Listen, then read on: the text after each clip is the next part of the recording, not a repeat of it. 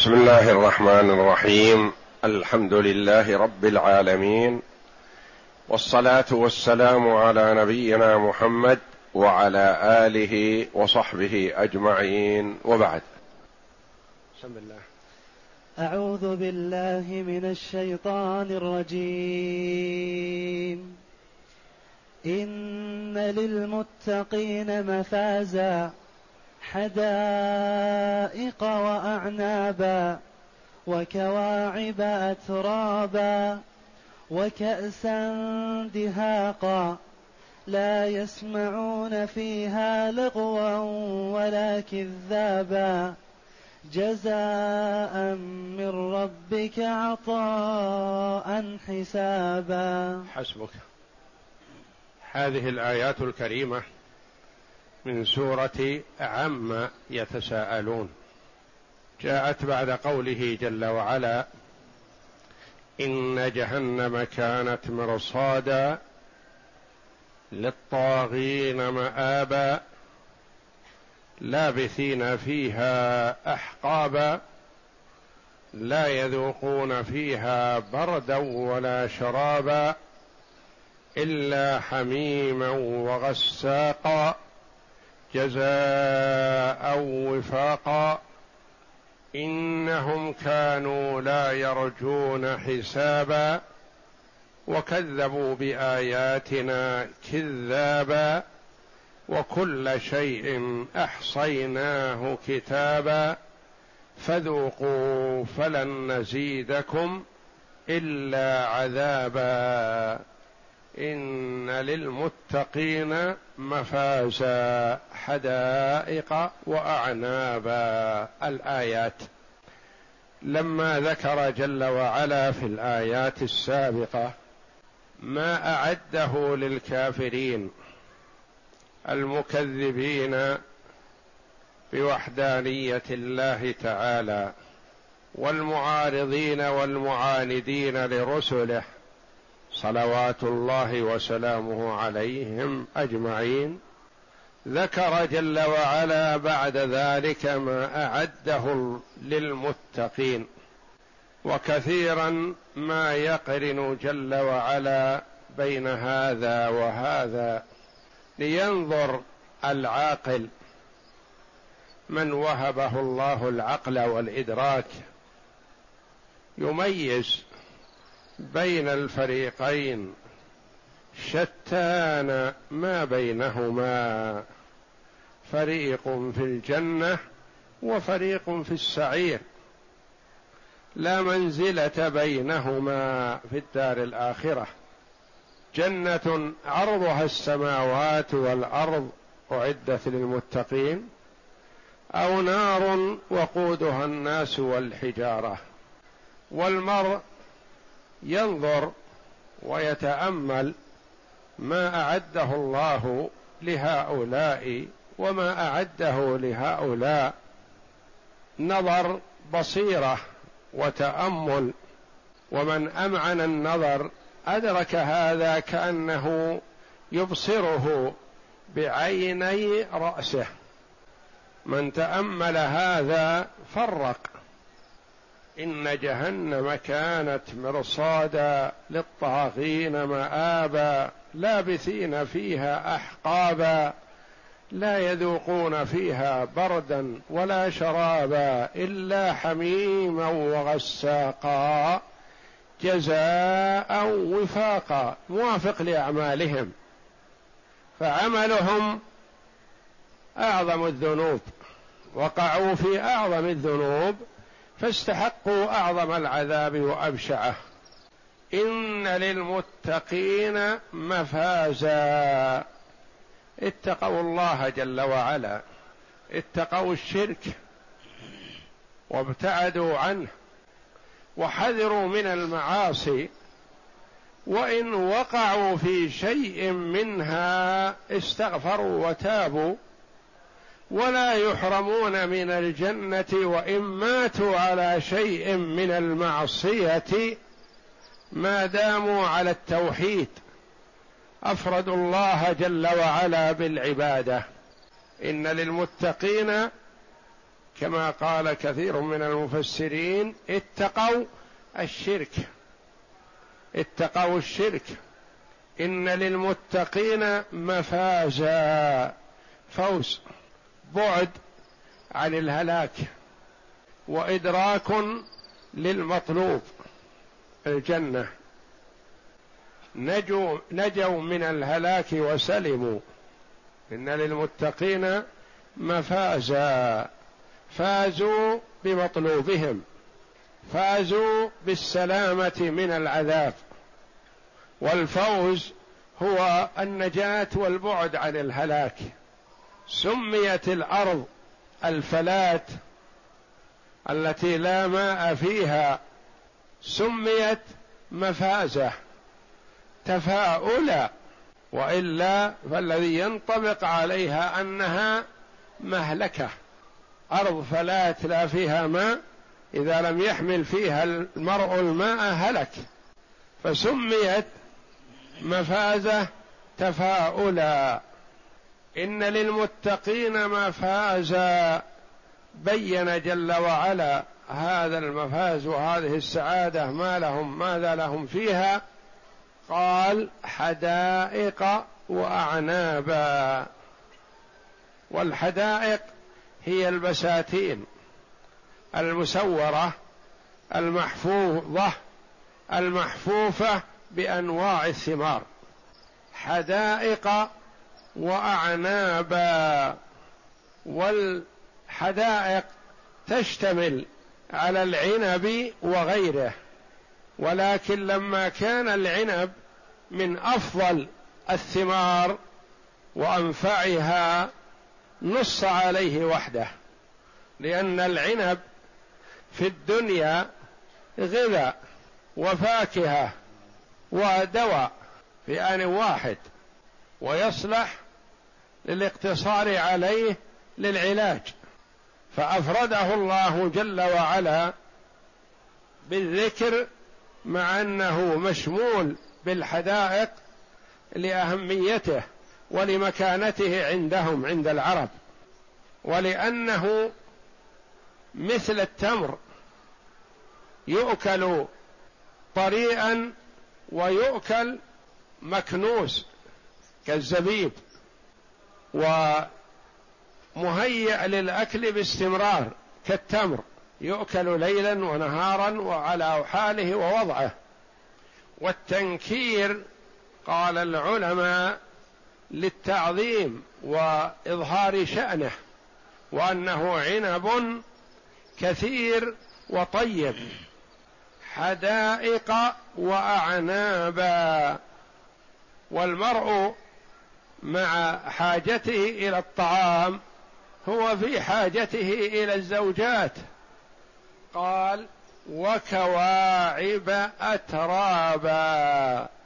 الكواعب جمع كاعب وهي التي تكعب ثديها. يعني تكعبت ثديهن ونواهدهن فصارت بمنزلة الكعب واقفة. لا متدلية إلى أسفل وإنما هي واقفة وإلى الأعلى تميل. الكاعب نهدها إلى الأعلى يميل.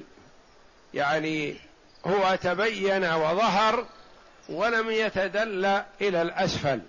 كواعب اترابا والأتراب التي في سن واحدة. يعني يتلذذ ويستمتع بكل واحدة منهن وليس بينهن تفاوت وإنما يتمتع بالجميع بخلاف ما إذا كانت واحدة كبيرة والأخرى صغيرة صار في تفاوت عظيم. وكواعب أترابا وقالوا إن الأتراب إذا كن في سن واحدة فهن أقرب إلى التفاهم. والتقارب فيما بينهن بخلاف ما إذا كان بينهن تفاوت في السن. وكواعب أترابا وكأسا دهاقا. الكأس هو الكوب إذا كان فيه خمر. إذا لم يكن فيه خمر ماء أو غيره يقال له كأس. يقال له كوب. فلا يقال له كأس إلا إذا كان مملوء بالخمر. وكأسا دهاقا يعني دهاقا فيها معاني مملوءة أو متتابعة أو صافية كلها يؤديها معنى دهاقا يعني كأس مملوءة يعني ما يعطى بمقدار ما يذوق فقط وإنما يعطى ما يكفيه. متتابعة بمعنى أنه يعطى واحدا بعد الآخر كلما أراد ولا ينقطع. دهاقا بمعنى صافية يعني لذيذة يتلذذ بها يتلذذ بالأخير كما يتلذذ بالأول. ولما كانت الخمر في الدنيا فيها اللغو وفيها الكذب وفيها الخطأ وفيها الهذيان نفى الله جل وعلا عنها ذلك في الدار الآخرة. فقال تعالى لا يسمعون فيها لغوا ولا كذابا. لا يسمعون فيها لغو كلام لا فائدة فيه. بخلاف شارب الخمر في الدنيا فهو يهدو. ويخرج كلاما لا فائدة فيه بل فيه ضرر بل قد يضره هو نفسه أحيانا يعترف بأشياء لو كان صاحيا ما اعترف بها ويهدي ويخبر بما فعل وبما في نفسه وبما يضمر ونحو ذلك لأنه أصبح كالمجنون والعياذ بالله. لكن خمر الجنة لا لغو فيها ولا هذيان ولا كلام فارغ بل يتلذذ بها وسالمة من جميع العيوب. لا يسمعون فيها لغوا ولا كذابا يعني لا إثم. قد يطلق اللغو على الكلام الذي لا فائدة فيه لكن لا ضرر فيه. يعني ما في إثم أو ما في فجور. ولكن الكذاب الكذب فيه الفجور وفيه الظلم وفيه التعدي وفيه مد الأيدي بعضهم على بعض كما هو معروف من حال السكارى قد يتضاربون وقد يفعل بعضهم ببعض الفاحشة فاحشة اللواط وهم لا يعلمون ولا يدرون. لكن الله جل وعلا نزه خمر الجنة عن جميع العوارض والآفات التي تحصل في خمر الدنيا. يقول تعالى مخبرا عن السعداء وما أعد لهم تعالى من الكرامة والنعيم المقيم. فقال تعالى إن للمتقين مفازا. قال ابن عباس متنزها. وقال مجاهد وقتاده فازوا فنجوا من النار. والاظهر هنا قول ابن عباس لأنه قال بعده حدائق والحدائق البساتين من النخيل وغيرها وأعنابا وكواعب أترابا أي وحورا كواعب قال ابن عباس ومجاهد وغير واحد كواعب اي نواهد يعنون أن ثديهن نواهد.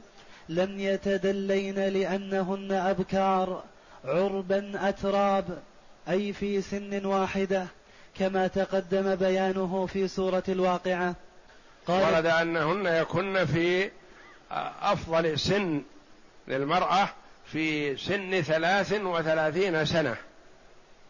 قال ابن أبي حاتم حدثنا عبد الله بن أحمد عن عبد الرحمن حدثنا أبي عن سفيان عن أبي عبد الرحمن القاسم الدمشقي عن النبي صلى الله عليه وسلم أنه قال إن قمص أهل الجنة لتبدو من رضوان الله تعالى وإن السحابة لتمر بهم فتناديهم يا أهل الجنة ماذا تريدون أن أمطركم؟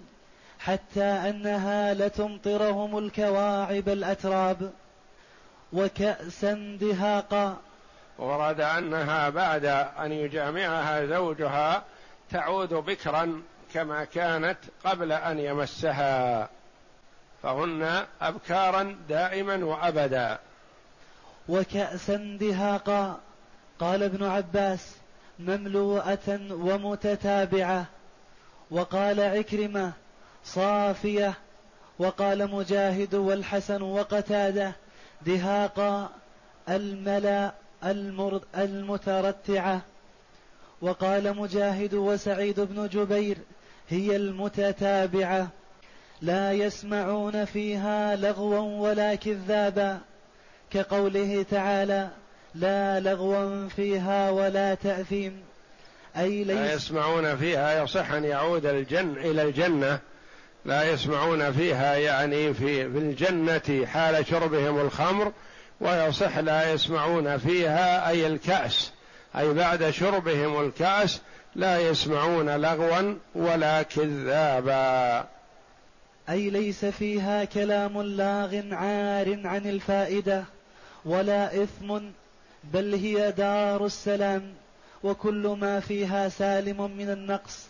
جزاء من ربك عطاء. جزاء من ربك عطاء حسابا. جزاء يعني جازاهم الله جل وعلا. عطاء يعني تفضل. ما هم مقابل بيع وشراء أو مقابل عملهم. وكما قال عليه الصلاة والسلام لن يدخل أحد منكم الجنة بعمله. قالوا ولا أنت يا رسول الله؟ قال ولا أنا إلا أن يتغمدني الله برحمة منه. يعني الجنة ليست مقابل العمل لأن الجنة تفضل من الله جل وعلا. ولو حاسب الله جل وعلا عباده حسابا دقيقا ما قابلت عبادة العبد لربه مدة عمره وإن طالت نعمة من النعم التي أعطاه الله جل وعلا في الدنيا قبل الآخرة. لو حاسبه على نعمة البصر نعمة السمع نعمة الأكل نعمة قضاء الحاجة نعمة الحواس نعمة الأعضاء والمفاصل نعم عظيمة في ابن آدم لو حاسبه الله جل وعلا عليها ما قابلت عبادته شيئا منها. ولكن الله جل وعلا يعطي الجنة لعباده المتقين عطاء تفضلا منه وإحسان. ولهذا قال جزاء من ربك عطاء. يعني عطية من الله جل وعلا وتفضل ليست في مقابل شيء. عطاء حسابا. حساب بمعنى كافي. يا أيها النبي حسبك الله ومن اتبعك من المؤمنين. حسبك يعني كافيك الله.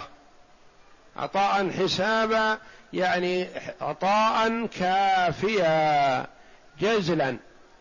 عطاء ما يريد زيادة عليه. عطاء حسابا تفضلا منه جل وعلا على عبده لا في مقابل عمله وإنما أعطاه الله جل وعلا بسبب عمله لأنه لو عصى الله جل وعلا ما أعطاه الله هذا. فالعمل سبب ولكن ليس هو الثمن وإنما العطاء تفضل من الله جل وعلا و والله جل وعلا يتفضل على من شاء من عباده بسبب العمل الذي يعمله العبد. العبد يعمل الأعمال الصالحة فالله جل وعلا يثيبه عليها في الدنيا وفي الآخرة. جزاء من ربك عطاء حسابا. أي هذا الذي ذكرناه جازاهم الله به. وأعطاهم بفضله ومنه وإحسانه وكرمه. عطاء حسابا أي كافيا وافيا سالما كثيرا. تقول العرب أعطاني فأحسبني أي كفاني. ومنه أحسبني أي أعطاني زيادة أي أكثر لي. ومنه حسبك الله بمعنى كافيك الله. وليس المراد والله أعلم عطاء حسابا يعني محاسبة وإنما من باب الكفاية والعطاء الجزيل. نعم. ومنه حسبي الله أي الله كافي. والله أعلم وصلى الله وسلم وبارك على عبد ورسول نبينا محمد وعلى آله وصحبه أجمعين.